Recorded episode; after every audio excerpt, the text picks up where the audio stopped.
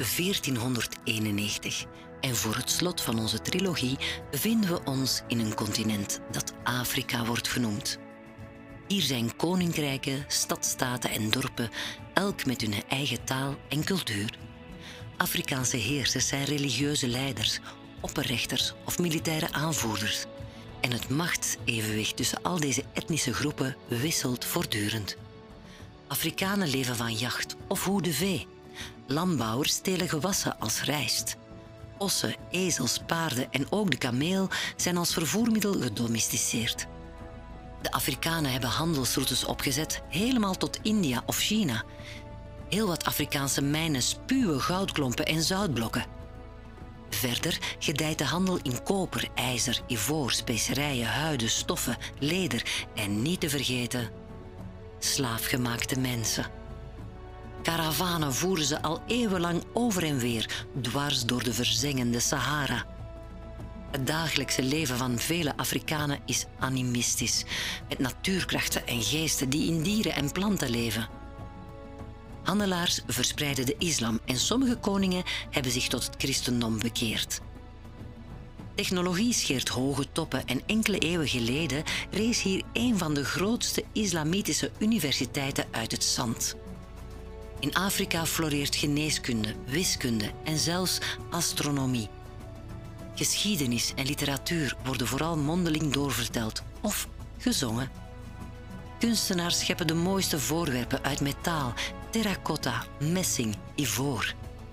Kortom, Afrika is een bloeiend en ruim bedeeld continent. Maar wat het nog niet beseft is dat het volledig ontwricht zal worden.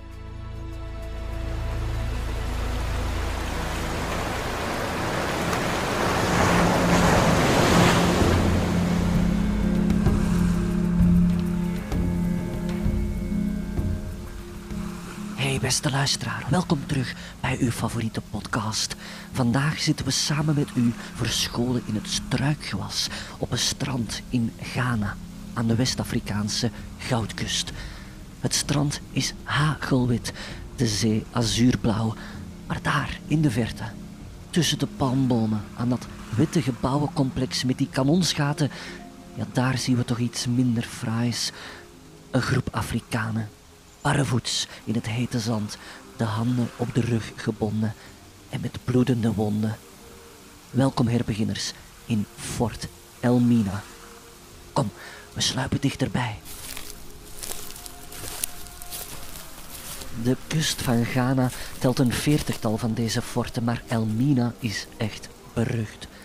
Op de binnenplaats zien we een zwarte vrouw vastgeketend aan een kanonskogel. Een soort dokter staat mensen te inspecteren. Vrouwen worden van hun man gescheiden, zonen van hun moeders. Sommigen worden gebrandmerkt, anderen opgesloten, met z'n 150 samen in raamloze ruimtes van maar 10 bij 5 meter, zonder enige vorm van sanitaire voorzieningen. Ik zou het hier geen dag overleven. Bovenop de kerkers bevindt zich de kapel, dus elke zondag is het weer psalmen zingen, uit de Bijbel lezen, terwijl onder de vloer mensen liggen te kreunen. Wie zich verzet, vliegt in de dode cellen, zonder voedsel, water of licht. We zien hier ook witte mensen rondlopen, missionarissen, soldaten. Ze spreken allemaal Portugees. We zien handelaars met kisten rondlopen, met vuurwapens erin en rum, textiel, er wordt druk onderhandeld. En kijk daar eens, op dat balkon, daar staat een of andere hoge pief neer te kijken op dit deerniswekkend schouwspel.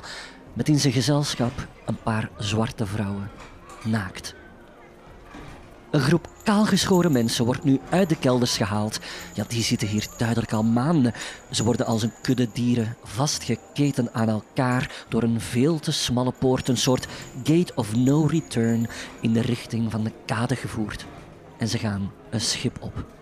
Het slavenfort Elmina is de laatste plaats die ze van hun geboortecontinent hebben gezien.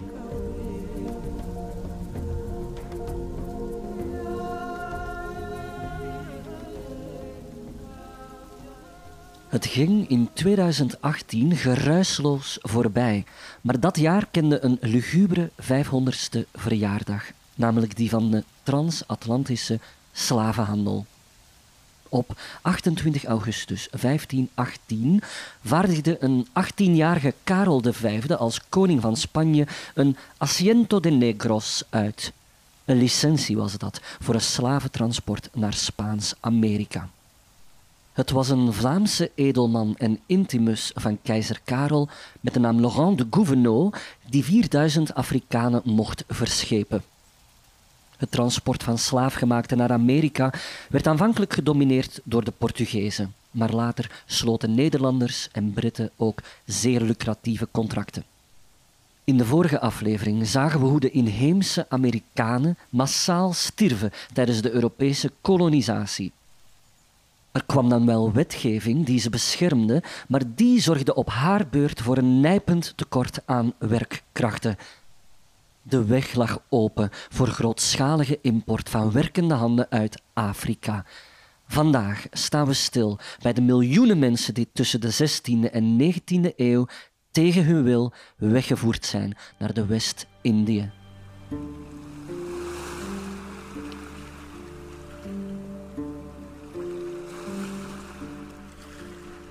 We staan dus op de Goudkust. En onze eerste vraag: wie zijn die gevangenen hier op het strand van Ghana en hoe zijn ze hier terechtgekomen? Veelal zijn het krijgsgevangenen die in lokale conflicten zijn buitgemaakt, zeg maar. Soms hebben ze wel 200 kilometer moeten afleggen over zandpaden vanuit het binnenland. En doorgaans hebben ze nog nooit één witte man gezien. Sommigen denken dat die witte mannen kannibalen zijn, want ze nemen steeds mensen weg, maar komen altijd terug voor meer. Mensen gevangen nemen is hier niet alleen een gevolg van oorlog, maar vaak ook de drijfveer ervan. Waar in Europa veel oorlogen worden gevoerd om land, gaan ze hier om arbeidskrachten. De handel in slaafgemaakte is hier een diep geworteld economisch systeem. Voor de Europeanen daarom des te makkelijker om mensenhandel te rechtvaardigen. Ze doen het hier toch al eeuwen. Neem nu de Arabieren, die drijven al sinds de middeleeuwen handel in mensen vanuit de Sub-Sahara. Maar nu creëert de Europese vraag naar arbeid concurrentie tussen Afrikaanse koninkrijken. Die bewapenen zichzelf met vuurwapens die ze krijgen van Europeanen in ruil voor nog meer slaafgemaakte enzovoort. Een lokaal voorbeeld. In de 18e eeuw waren de koningen van Dahomey, dat is in het huidige Benin, zeer bedrijvig in de handel in slaafgemaakte. Europese handelaars betaalden hun om handel te mogen voeren en de koning kreeg ook een exportbelasting op elke verkochte mens. In het eerste kwart van de 18e eeuw exporteerde dit koninkrijkje 400.000 mensen. Een eeuw later was Dahomey op het toppunt van zijn macht. Dat was onder koning Gezo met ruim 200.000 inwoners. Maar we moeten erbij zeggen dat amper 12.000 van ze in vrijheid leefden. In het jaar 1637 wordt Fort Elmina door de Nederlanders veroverd op Portugal. En zo worden zij de dominante spelers hier aan de West-Afrikaanse kust. Mensen kunnen hier soms echt lang gevangen zitten, want Europese slavenschepen moeten soms maandenlang koersen voor de Goudkust of de Slavenkust. Ze doen meerdere slavenforten aan, want ze vertrekken pas naar Amerika met een vol ruim. Ze zijn ontworpen om soms wel tot 800 mensen als haringen in een ton te verschepen naar Brazilië, de Caraïben of Suriname. En voor ons luisteraars is het nu tijd om aan boord te gaan. We hebben net gehoord dat het schip de Bekenstein klaar is om te vertrekken richting Paramaribo, met een tussenstop in Curaçao, de grootste slavenmarkt van de Caraïben. De Bekenstein is een driemaster, uitgerust met 26 kanonnen.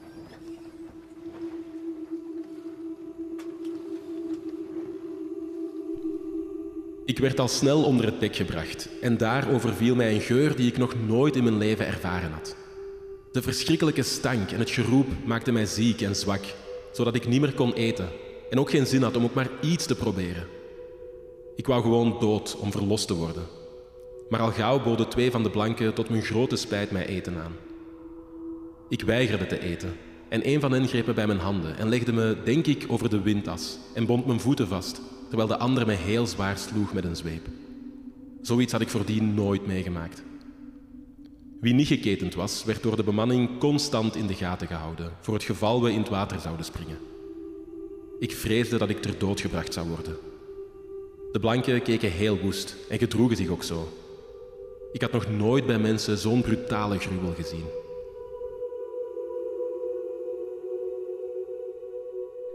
U hoorde Olauda Equiano, rond 1745 geboren aan de Niger in het huidige Nigeria. Als tienjarige werd hij gekidnapt, verkocht en naar het Britse Barbados gevoerd.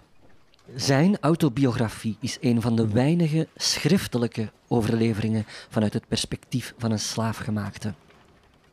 De meeste verhalen zijn mondeling doorgegeven. De middenpassage, zoals de traumatiserende overtocht wordt genoemd, duurt tussen de twee en drie maanden. Benedendeks liggen de gevangenen op elkaar gepropt in een donkere ruimte met een plafond van nog geen anderhalve meter hoog. Onder het lawaai van gejammer, zweepslagen, de klotsende golven en zeewind. Veel Afrikanen hebben de zee nog nooit gezien, hebben geen besef van hoe groot die is of waar ze naartoe leidt. En niet dat ze het elkaar kunnen vragen, want hier in dit schip heerst een Babylonische spraakverwarring. De menselijke cargo ligt aan elkaar vastgebonden, met snijdende ketens, zij aan zij, hoofd tegen voeten, en iedereen duwt en trekt langs alle kanten. En zo moeten ze alles doen. En ik bedoel echt alles. Er staat een emmer, maar je moet maar zien hoe je het daar geraakt. De gevangenen liggen te rollen in hun eigen en elkanders uitwerpselen en braaksel. Het is heet en er is amper lucht. Ziektes, tierenwelig, dysenterie, malaria, gele koorts, pokken, mazelen, griep. En de ongelukkige zieken, die worden overboord gegooid, nog aardig levend. Slaafgemaakten die verdrinken zijn gedekt door de verzekering. Mensen die sterven door ziekte niet. De dood is overal. Ongeveer acht uur per dag brengen de slaafgemaakten bovendeks door. Om wat te bewegen, ze moeten tenslotte verkocht geraken. De kinderen lopen vrij rond. De zwarten moeten dansen of zingen op het ritme van de zweep, ter vermaak van witte gewapende mannen. En die hebben netten gehangen rond het schip, want sommige gevangenen hebben al voor een snelle dood gekozen, opdat hun ziel naar huis kan. Nu en dan krijgen de gevangenen wat te eten. Vandaag zijn het bonen, net als elke dag. De straffen zijn meedogenloos, zoals de negenstaart, dat is een zweep, of de duimschroef die vingers of tenen gestaag verbrijzelt. Misbruik en verkrachting zijn schering en inslag. Sommige vrouwen worden zwanger of bevallen. Bij zuigelingen ligt de mortaliteit torenhoog. Allang proberen historici om de middenpassage te bevatten, maar wij kunnen amper bevroeden over welke stank, welk lawaai, kortom welke horror onze getuige Equiano het had.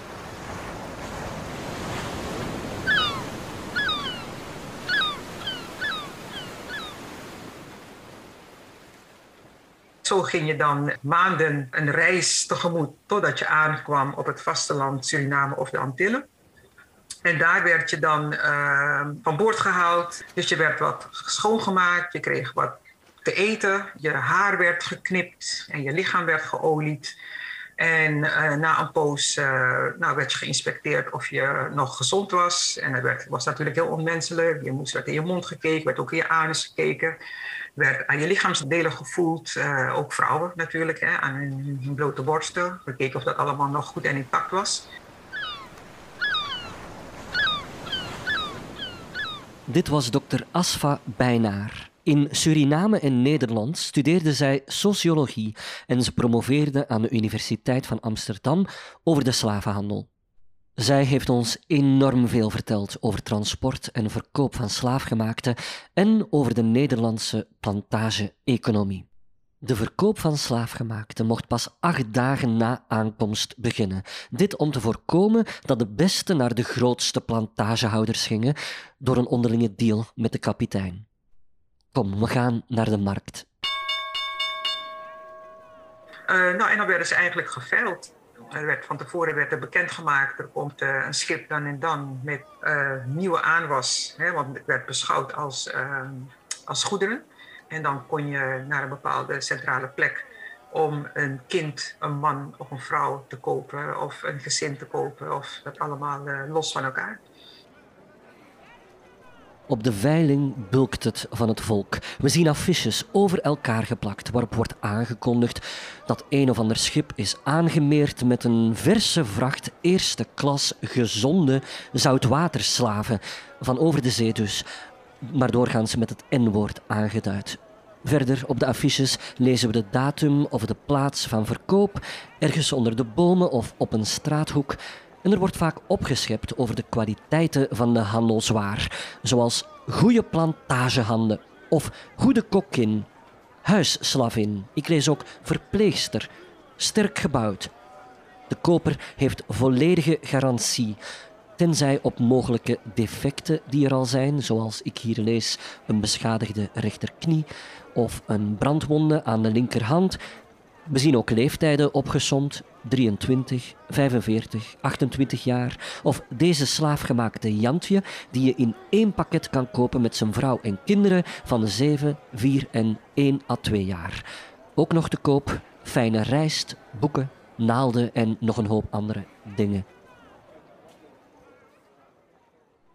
En zo kwamen de Afrikanen terecht in Amerika op Europese suiker-, tabaks- of katoenplantages, in de mijnen of in de grote ranch van een planter. De volgende vraag die we ons stellen: hoe moeten we ons die plantages voorstellen? Hoe zagen die eruit? Wel, ze lagen aan rivieren, want ze hadden irrigatie nodig.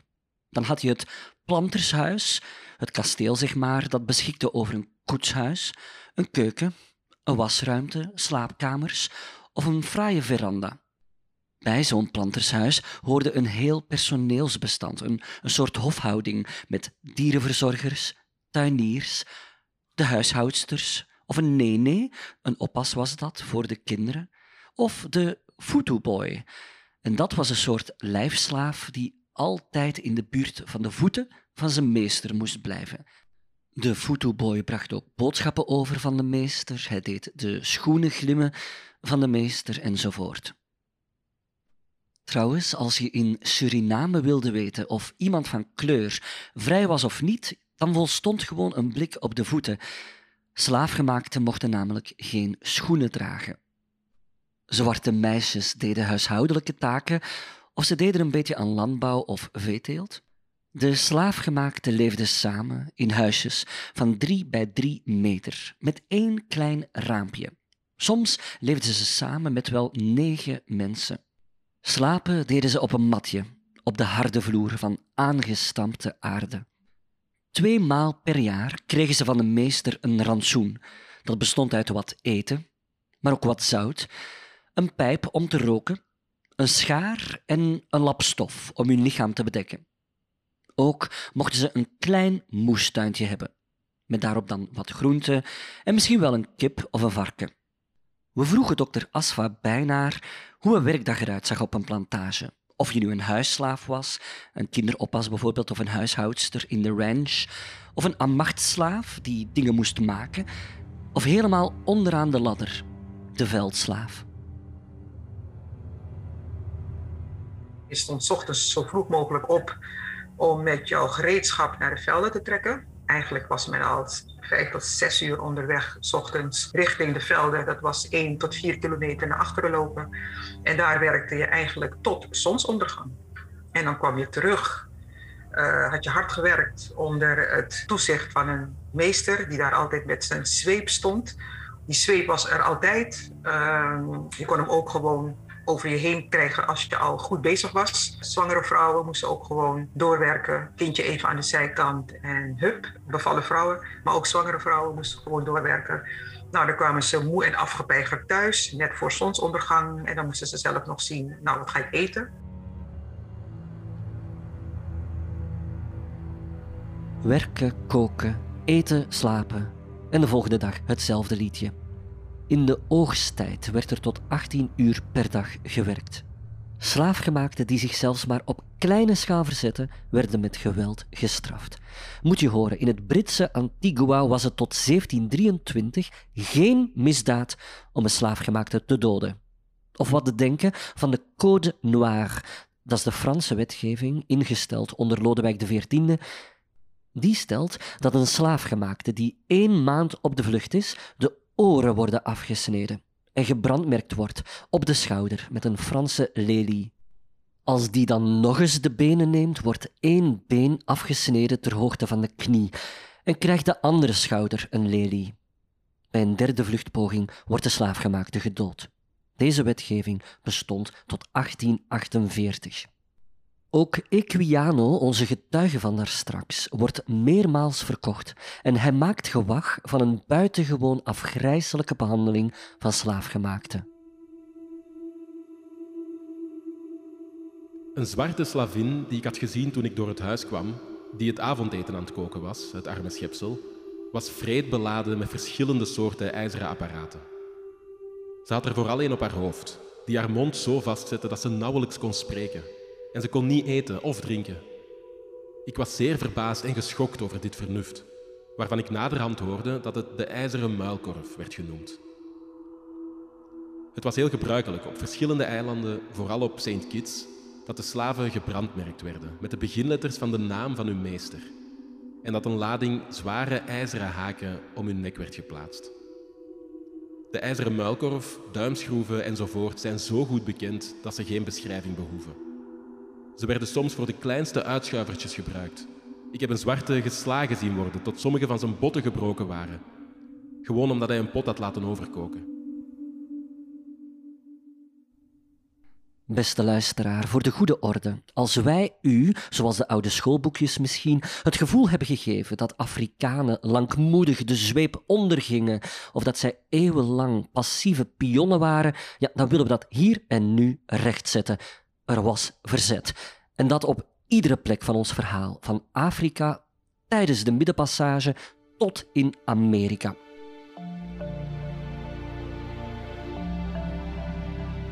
Laten we beginnen in Afrika. Als lokale heersers zich onderbetaald voelden, belegerden ze wel eens gewoon de slecht bemande forten of de tenten op het strand. Of ze blokkeerden de handel gewoon, eisten meer belastingen of ze stalen de vracht.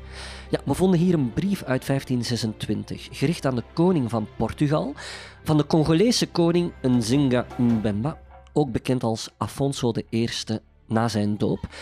En hij eist daarin dat de illegale ontvolking van zijn koninkrijk stopt. Ook Nzinga Mbandi, dat was de koningin van Ndongo in het huidige Angola, die vocht in het begin van de 17e eeuw tegen de Portugezen. Het koninkrijk bood eeuwenlang weerstand tegen de slavenhandel. Daarnaast waren er op de slavenschepen ook opstanden tijdens één op de tien overtochten er zijn verslagen van, van Afrikanen die letterlijk het roer overnamen en probeerden terug te varen of tegen andere schepen vochten, met of zonder hulp van de bemanning. Het beroemdste voorbeeld is de opstand op de Amistad, maar ook het succesvol verzet op het Nederlandse slavenschip de Vigilante. In 1780 was dat. De enige opstand, voor zover we weten, waarbij slaafgemaakten erin slaagden de macht over te nemen. En ja, zeker, ook in de kolonies was er verzet. Slechts een deel is opgetekend, maar de lijst is lang. De Baiano-oorlog, de Stono-opstand, de rebellie van Nat Turner, de Samba-rebellie enzovoort. En dat zijn dan alleen die in Noord-Amerika. Slaafgemaakten die in de kolonie geboren waren, ja, die hadden geen herinnering aan Afrika en zij waren minder geneigd om verzet te plegen. Er waren verschillende vormen van verzet. Die gingen van ziekte veinzen of werkweigeren, diefstal plegen, tot zelfs de planter zelf vermoorden. Duizenden mensen slaagden erin om te ontsnappen. Opsporingsberichten van een of andere runaway slave zijn legio. Met dan een beschrijving van de slaafgemaakte, het verbod om die zelf te gebruiken en een beloning voor de eerlijke vinder. Premiejagers beleefden gouden tijden dankzij deze marrons, zoals de zwarte vluchtelingen vandaag worden genoemd. Het woord marron vindt zijn oorsprong in een Spaans koloniaal woord voor loslopend vee. Vandaag is het een echte identiteit geworden, vooral voor de nazaten ook van deze verzetstrijders. We spraken hierover met de tweelingzussen Susi en Simba Moses. Als zevenjarige meisjes verhuisden ze van Suriname naar Nederland en zij identificeren zich vandaag als Marron.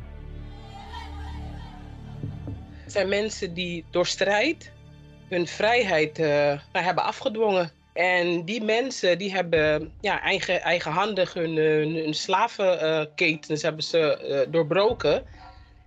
En nou, dat zijn mijn voorouders. Uh, ze zijn inderdaad de oerwoudgebieden van Suriname gevlucht. Omdat zij, ze wilden vrij zijn. Ze wilden vrije mensen zijn. En nou goed, als nakomeling van die groep kan ik alleen maar trots zijn. Marrons richtten hun gemeenschappen op en van daaruit vielen ze plantages aan als een soort guerrilleros, soms zelfs geholpen door Native Americans. De verhalen van Marrons worden nog steeds van generatie op generatie doorverteld. We vroegen de zusjes Moses naar zo'n verhaal van hun voorouders. Er was er dus een, een, een dappere Marronvrouw die rijstzaden in haar haar verstopte tijdens de vlucht naar het binnenland. En dat was een, een mooi verhaal, omdat zij die rijstzaden weer kon gebruiken om uh, rijst te beplanten. Uh, dus ze heeft haar uh, nazaten daarmee gevoed. En dat bleef dus doorgaan. Je zou kunnen zeggen dat dat een van de manieren was om rijst in Suriname te krijgen. En om die groep in het binnenland te voeden. Dus een hele cultuur afkomstig uit West-Afrika wordt op die manier bewaard via verhalen, muziek, tradities of feesten. Sommige Maron-gemeenschappen hielden honderden jaren stand. Spanje erkende er heel wat in Ecuador, Colombia, Panama en Mexico. En nog een mijlpaal voor de slaafgemaakte was het jaar 1791 in de kolonie Saint-Domingue, vandaag Haiti, op Hispaniola, in dat jaar voerde verzetstrijder Toussaint Louverture, zelf een zoon van een Afrikaanse prins, duizenden slaafgemaakten aan om de Fransen te verdrijven, waarop later de onafhankelijkheid van het land volgde. Deze revolutie joeg de houders van slaafgemaakten wereldwijd de daver op het lijf. Voor Nederlands-Surinaamse Marons is 10 oktober dan weer een echt feest. Dan herdenken ze de erkenning van de Aukaners. Dat is een groep Marons die in 1760 de vrijheid kreeg. We vroegen ons af, wat kunnen wij vandaag van de Marons leren? Ik denk um, dat de Marons, dat wij van kleins af aan een, een, een mentaliteit hebben van het, collectief denken. Maar het moest wel.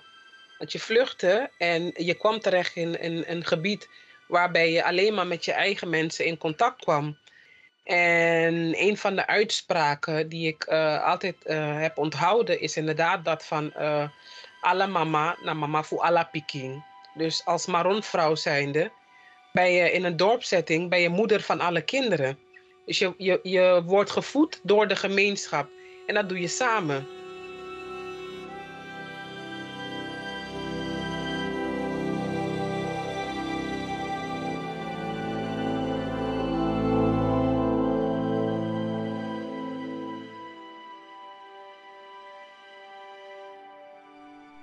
In de discussies over de zwarte bladzijden uit onze geschiedenis hoor je vaak als een verzachtende omstandigheid: ja, maar we moeten alles in zijn context zien.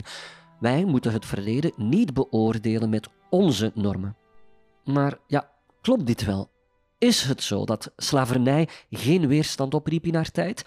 Sorry, maar dan is het antwoord zeker wel. De abolitionisten, dat waren de mensen die ijverden voor de afschaffing ervan. We vonden bijvoorbeeld een Nederlandse damesvereniging die servies liet beschilderen met verzetslogans tegen wat zij een verwerpelijke, onchristelijke praktijk vonden. Maar er waren ook Britse, Franse, Amerikaanse schrijvers die zich verzetten. Denk ook aan het populaire boek van Harriet Beecher Stowe, De Hut van Oom Tom, dat vertaald werd ook naar het Nederlands. En ook Equiano, die we volgden vandaag, kocht zijn vrijheid en hij werd een populaire spreker in Londen. Zijn levensverhaal publiceerde hij voor de zaak van het abolitionisme. Uiteindelijk schafte Nederland de West-Indische slavernij af in 1863, als laatste, veel later dan Engeland en Frankrijk. Waarom was dit? Wel, een kwart eeuw lang was er gehakketak in de Tweede Kamer. Niet over mensenrechten of zo, maar wel over de vergoeding voor de houders van slaafgemaakten, die niet echt tuk waren op verandering. En het was het moment om nog eens flux jacht te maken op weglopers, want er werd afgeklopt op 300 florijnen per slaafgemaakte, iets in de 3000 euro vandaag. Daarbovenop moest de ex-slaafgemaakte nog tien jaar arbeid verrichten onder staatstoezicht voor een zeer schamel loon. Maar voor sommige Afro-Surinamers werd het erger, want de planters waren nu niet langer verplicht om te voorzien in huisvesting. Op Curaçao vroegen sommigen de gouverneur om de slavernij opnieuw in te voeren.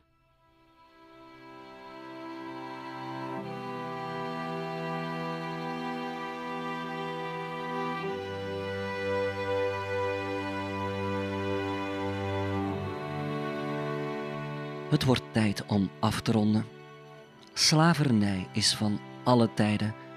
Het lijkt zo'n beetje een continuïteit in de menselijke geschiedenis om anderen te veroordelen tot dwangarbeid, maar ook om het te kunnen verzoenen met je normen, waarden en wettensysteem.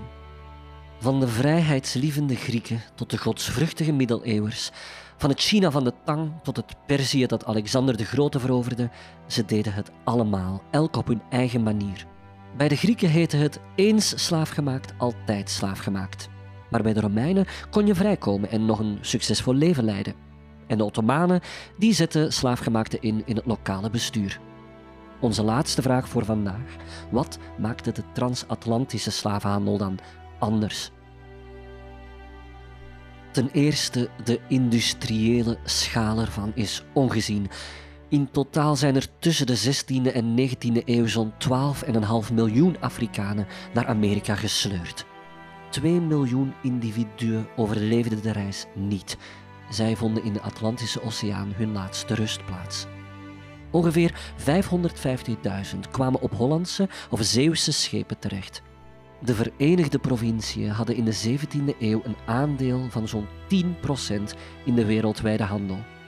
Portugal en Engeland waren de marktleiders en dat laatste land versterkte die positie in de 18e eeuw. Ten tweede, West-Europa was het enige gebied dat aan overzeese slavenhandel deed, maar slavernij niet meer toeliet in de eigen samenleving. Ten derde, de identiteit van slaafgemaakten werd afgenomen. Wie ze waren, van waar ze kwamen, hun geloof, welke taal ze spraken, weggevaagd. Een beetje zoals gebieden die worden geclaimd door ze nieuwe namen te geven. In Suriname kregen ze dan namen als Jan, Jantje, maar ook Marius, Marcus. En vaak waren de nieuwe namen pesterig of seksueel. Voor vrouwen kom je dan tegen Venus, Amarantje, Pruim. We zagen zelfs namen als Kakkerlak of Nihil. Ook onze Equiano was in zijn tijd bekend onder de naam Gustavus Vassa. Vandaag is het belangrijk om de slaafgemaakten hun identiteit terug te geven. En tenslotte, deze slavernij ging om huidskleur. Bijna alle tot slaafgemaakten waren zwart en alle eigenaars wit.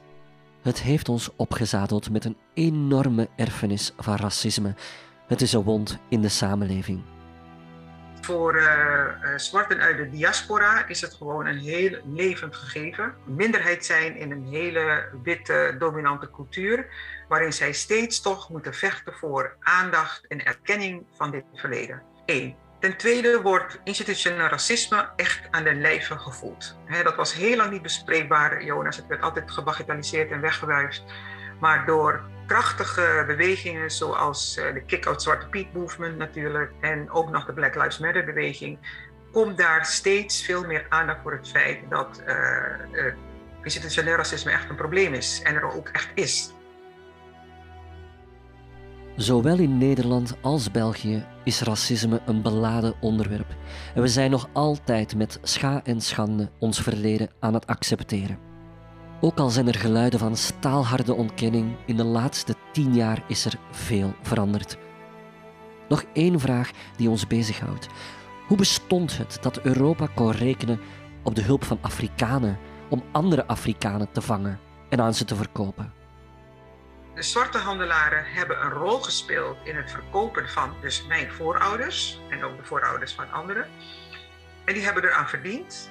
En ik weet niet helemaal zeker of zij op dat moment wisten hoe erg de toekomst zou zijn die uh, de andere zwarten over zee zou treffen, hè, de slaafgemaakten.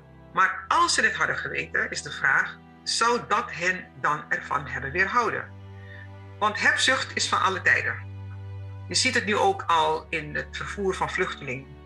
Welke rollen een Nigeriaanse handelaar speelt als het gaat om heel veel Nigerianen in een truck proppen en ze ergens naartoe rijden met dood tot gevolg. Dat zie je ook bij Polen, dat zie je ook bij heel veel andere uh, mensen overal ter wereld. Dat als het gaat om de hebzucht van het geld, dat ze dan denken van nou, ik, dit is wat ik doe, ik krijg hier mijn geld voor en de rest, dat zal wel.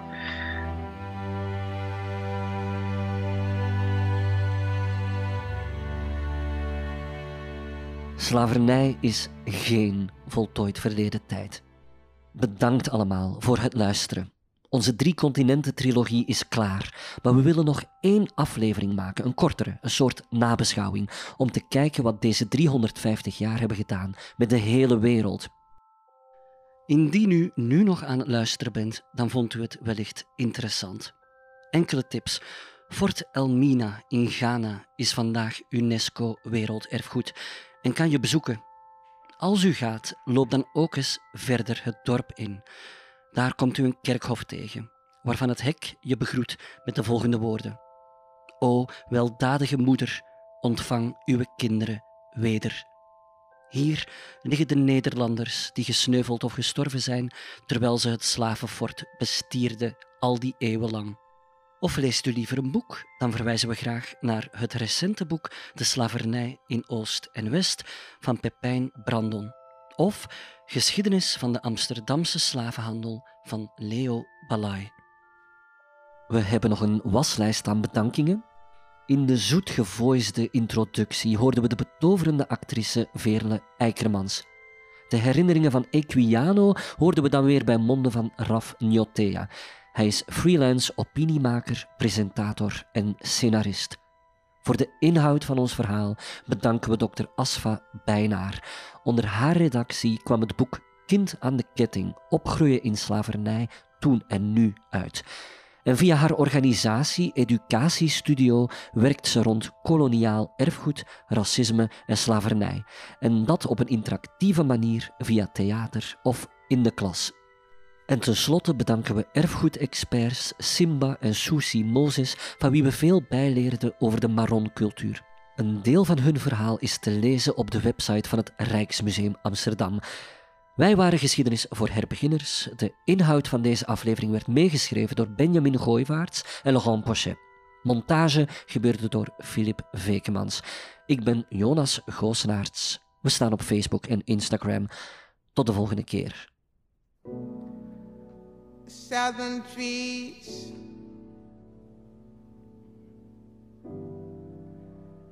barren, strange fruit. Blood on the leaves. And blood at the roots.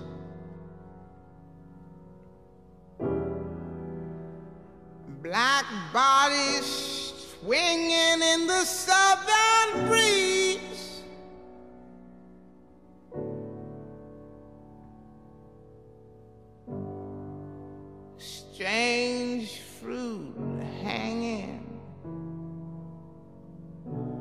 The poplar trees.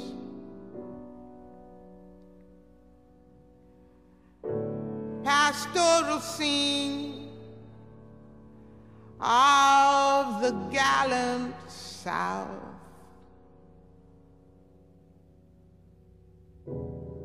Them big bulging eyes and the twisted mouth.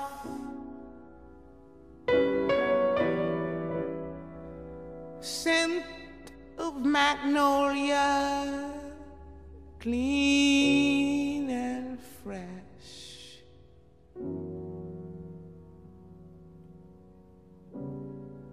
Then the sudden smell of burning flesh.